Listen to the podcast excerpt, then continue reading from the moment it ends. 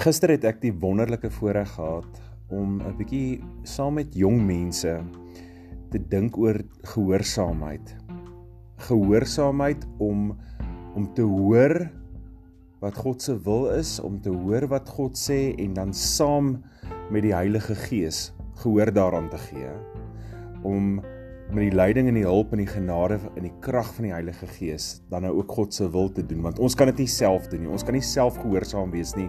Dink sommer aan Prof Johan Silje wat 'n boek geskryf het die genade van gehoorsaamheid. Soos enigiets in 'n kind van die Here se lewe is gehoorsaamheid ook 'n stuk genade.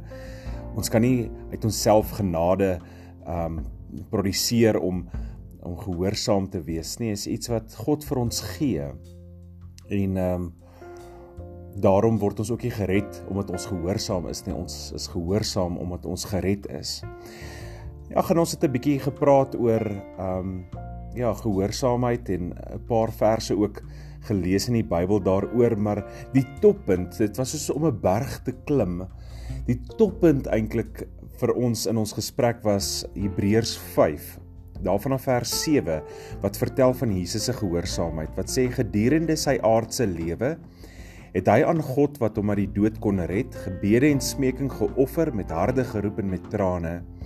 En sy gebede is verhoor vanweë sy eerbiedige onderworpenheid aan God. Hoewel hy die seun was, het hy deur alles wat hy gelei het geleer wat gehoorsaamheid is. En toe hy volmaaktheid bereik het, het hy vir almal wat aan hom gehoorsaam is, die bron van ewige saligheid geword. Nou so twee of drie belangrike gedagtes uit die gesprek met die jong mense was dat die Here Jesus nooit sonde gedoen het of sonde gehaat het nie. So as dit vertel dat hy geleer het wat gehoorsaamheid is, is dit nie dat hy nie geweet het wat gehoorsaamheid was nie. Ons weet hy het 'n onbeskryflike liefde vir sy Vader en alles wat hy doen en sê, het hy gedoen om sy Vader te eer. En hy sou niks gedoen het om dit te kompromiteer nie.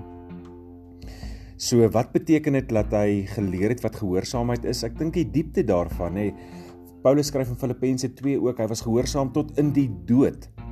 Dit was die toppunt van gehoorsaamheid. Ons moenie dink omdat Jesus ehm um, as mens ook God is dat gehoorsaamheid vir maklik was nie. Dit sien mense in die verhaal met Jesus wat versoek is in die woestyn deur die deur die duiwel. Daar was hy ook gehoorsaam meer aan God en het hy die woord God se wil gedoen en nie Satan se wil nie.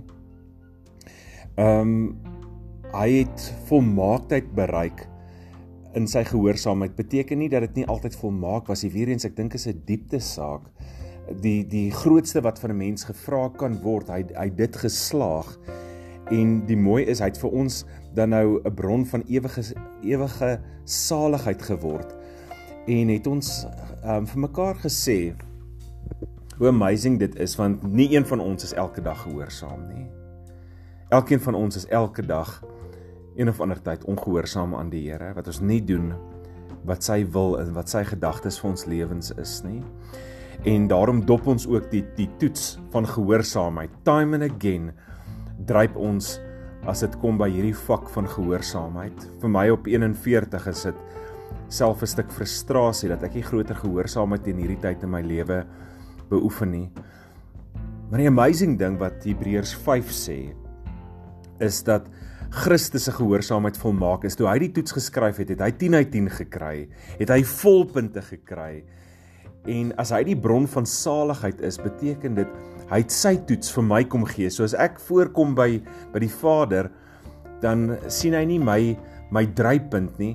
Dit lyk asof ek volpunte het, 10 uit 10 vir gehoorsaamheid want Jesus gee sy gehoorsaamheid vir my. So dis 'n wonderlike troos. Elke dag strewe ek en jy daarna om meer gehoorsaam aan die Here te wees en hom te volg. Maar waar ons dit ook nie altyd reg kry nie, hoef ons nie mismoedig te word of ontmoedig te word om te probeer om ons dankbaarheid en ons liefde teenoor die Here in gehoorsaamheid uit te lewe nie. Ons kan voortgaan in daai genade van gehoorsaamheid.